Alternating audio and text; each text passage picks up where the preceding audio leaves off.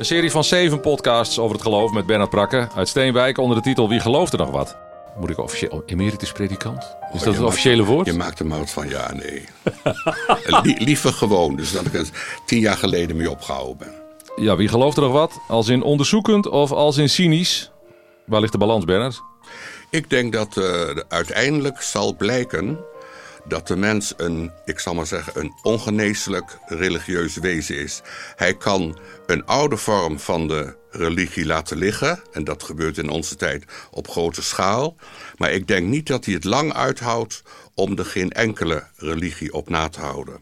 On- ongeneeslijk gelovig, zeg je eigenlijk. Ja, Eh, Uh, niet dat het mij goed uit zou komen, maar een mens is erop gebouwd dat hij zelf heel erg veel kan op veel gebieden, maar hij moet een oriëntatie hebben. En hij moet, waar tegenwoordig veel mensen mee rondlopen en tobben, hij moet ook een idee hebben wat het allemaal voor zin heeft.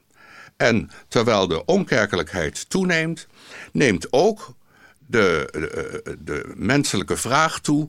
Waar doen we het voor? Waar moet het naartoe? Eh, wie heeft ooit bedacht wat de zin van dit alles was? Nou, dan zit je alweer midden in de religieuze vragen. je komt met het nieuws dat boeken over Jezus niet aan te slepen zijn. Wat, wat wil je daarmee zeggen? Eh, dat in een tijdperk van eh, verminderde aandacht voor de kerk en, en, en hoe de kerk functioneert. De belangstelling voor wat Jezus heeft bezield en wie dat was en wat er toen zich heeft afgespeeld, dat zie je onder andere terug in eh, een uitzending als The Passion, waarvoor heel veel belangstelling bestaat en waar men ook eh, erin geslaagd is om de actualiteit van dat verhaal van Jezus van Nazareth eh, te laten blijken. Ja, maar gaat het om het verhaal of om het spektakel en om de, de sterren die eraan meedoen? Naar mijn stellige idee gaat het ook om het verhaal.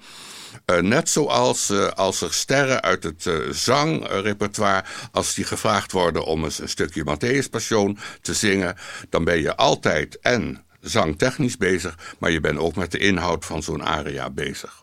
En, en dat blijkt, dat blijkt mensen wat te doen.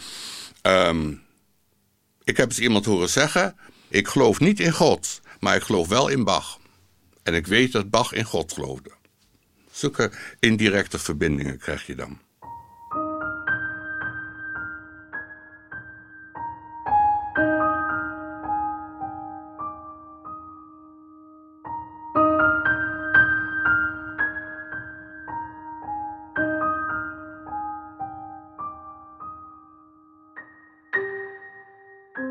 Denk dat wij eh, in de geschiedenis, bij geschiedenisles, vooral hebben geleerd om naar de hoogtepunten te kijken. Bijvoorbeeld dan zeggen we van het was een eh barre boel en het was eh, eigenlijk, eh, het vuur was er mooi uit in Europa. En toen stond er een monnik op die een beetje zenuwaanvallen had en die heeft de hele zaak gereorganiseerd. Dan let je te veel op die ene man die toen bekend is geworden. Maar je moet ook eens letten op die 50 jaar voor dat optreden van Luther. Hoe, hoe verdeeld en vertwijfeld de toen. Dat is dus vaker gebeurd. Ook het begin van de middeleeuwen eh, was er wel geloof, maar er was veel meer ongeloof. Dus wij moeten daar, denk ik, niet zo van opkijken als we het, als we het hebben over verminderde belangstelling voor de institutionele vormen van religie in Nederland.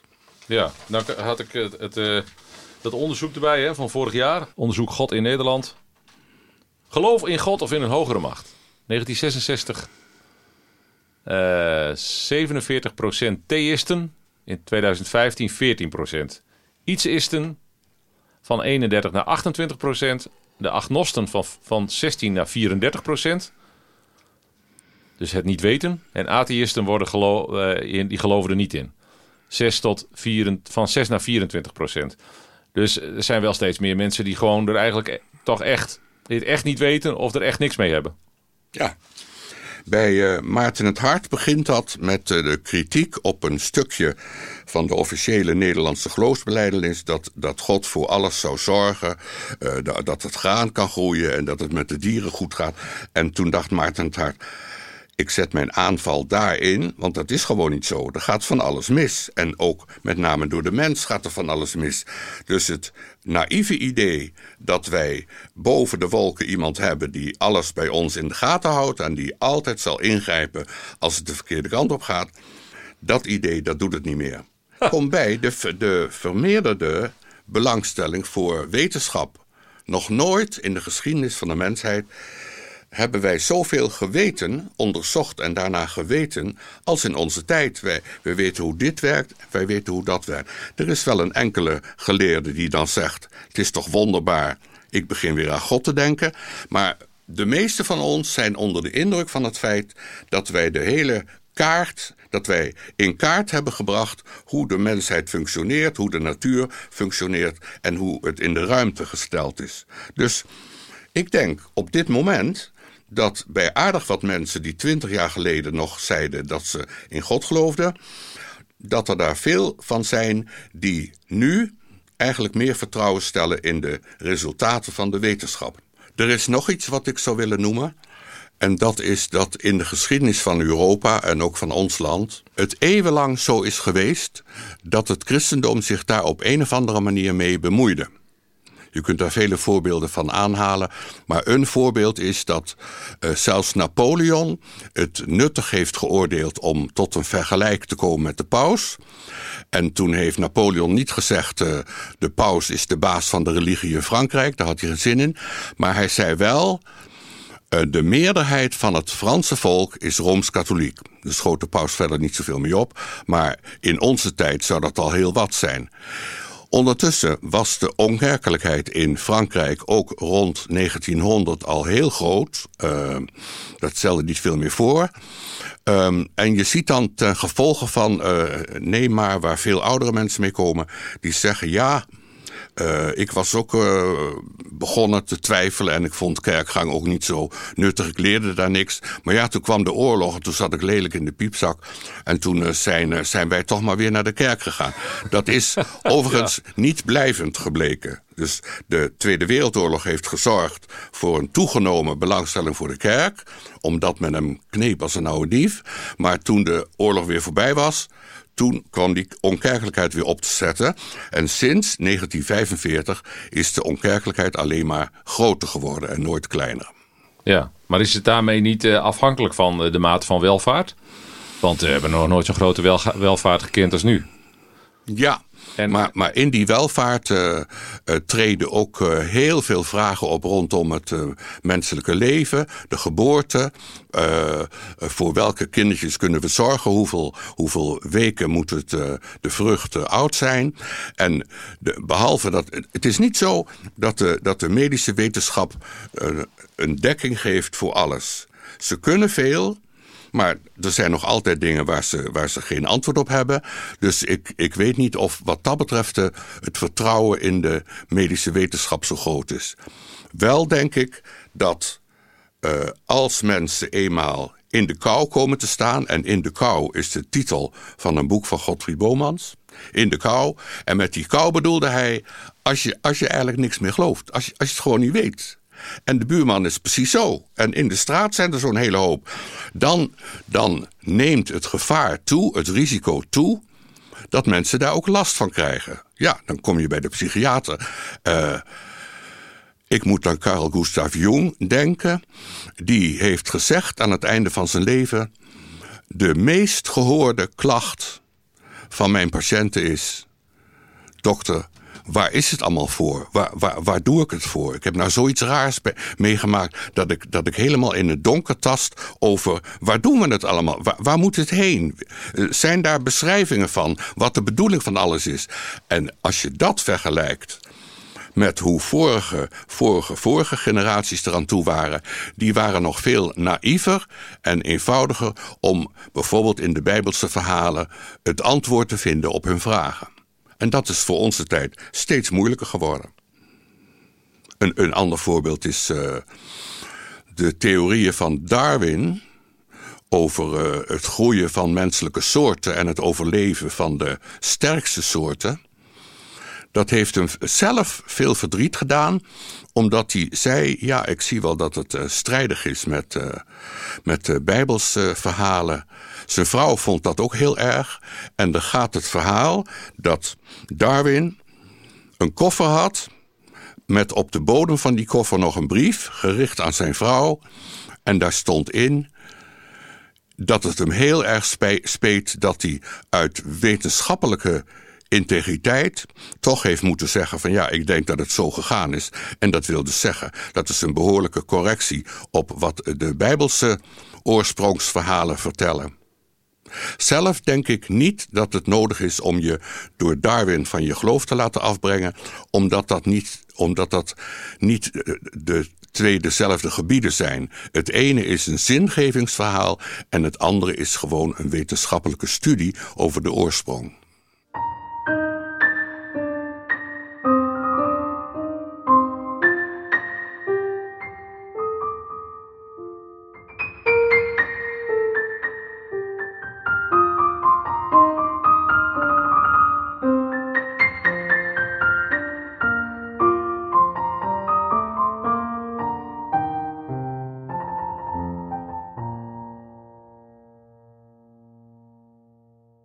Ik heb mezelf uh, herinnerd uh, in mijn ouderlijk huis. Wij waren met vijf kinderen. Dat de oudste kinderen die kwamen van de universiteit voor de kerstvakantie. En we waren weer allemaal bij elkaar. En mijn moeder wou, zoals altijd, het kerstverhaal voorlezen. Dat wou ze echt graag. Verder praten we nooit over religie of zo. We hadden wel een duidelijke opvatting over het leven, waar het voor was en hoe je het moest leiden. Maar mijn moeder wou dat weer voorlezen en toen zeiden de oudste twee kinderen: hou er toch mee op, je gelooft het zelf niet. En ik heb goed onthouden hoe mijn moeder toen keek. Die blik die wilde eigenlijk zeggen: is het nou echt nodig om mij het laatste restje geloof wat ik nog heb af te pakken? Zou je dat niet gewoon kunnen laten staan? Ik geloof dat heel veel mensen in ons land op een gegeven moment de kerk terug hebben toegekeerd dat kan ik snappen. En dat ze op het moment dat ze dat deden, nog vol zaten met romans gelezen te hebben, toneelstukken te hebben gezien of sprekers voor de radio te hebben gehoord waar het geloof nog een rol speelde. Daarmee wil ik zeggen, je valt maar zo niet van je geloof af. Je kan wel met iets ophouden, je kan wel praktisch zeggen, ik ga daar niet meer heen. Uh, maar dat wil niet zeggen dat je in één keer alles kwijt bent. We weten allemaal hoe het is om bijvoorbeeld uh, te fietsen met je handen niet aan het stuur. Dus de, de, de handen los, dat is leuk. Eh, op een asfaltweg gaat dat prima. Maar als het zaakje wat uh, ruller wordt en het wordt wat uh, rotsiger en een beetje moeilijker, dan is het vrijwel onmogelijk om geen handen aan het stuur te hebben. Zo zie ik dit ook. Dus, dus ik, ik vind het uitstekend. Ik gun het iedereen. Nico Terlinde heeft een keer gezegd. In een volgend leven word ik buitenkerkelijk en daar kan ik me nu al op verheugen. En daar bedoelde hij mee, zulke leuke dingen gebeuren niet altijd in de kerk, valt best tegen. Um, laat het gebeuren, laten, laten de mensen handelen zoals ze willen handelen. Maar ik vermoed, niet omdat ik dat zo graag wil, maar ik denk het echt, dat dat maar zo van het ene op het andere jaar dingen ook weer terugkomen of in een andere vorm terugkomen en dat mensen weer religieus worden. Want dat moet ik ook nog zeggen, die onkerkelijkheid die is gemeten, daar twijfel ik niet aan. Maar we hebben altijd nog, nou, 10 of 12 procent notoor kerkelijke mensen. Die, eh, bij wie het een levensstijl is en die, die dat ook gieten in de vorm van een politieke partij en zo. Die mensen, die gaan rustig door hoor. Die laten zich niet uh, van de wijs brengen. En die, eh, die houden dat vol. Er zullen mensen onder hun zijn die zeggen: ja, wij zijn de uitverkorenen en, en wij houden het nog maar mooi vol. Dat zal onze lieve Heer ook prachtig vinden. Er zullen ook wel mensen zijn die zeggen: ja. Ik geloof, dat, dat is op mijn weg gekomen, zo is dat nu. En daar wil ik me niet op laten voorstaan, maar ik ga er wel zeker mee door. Die heb je.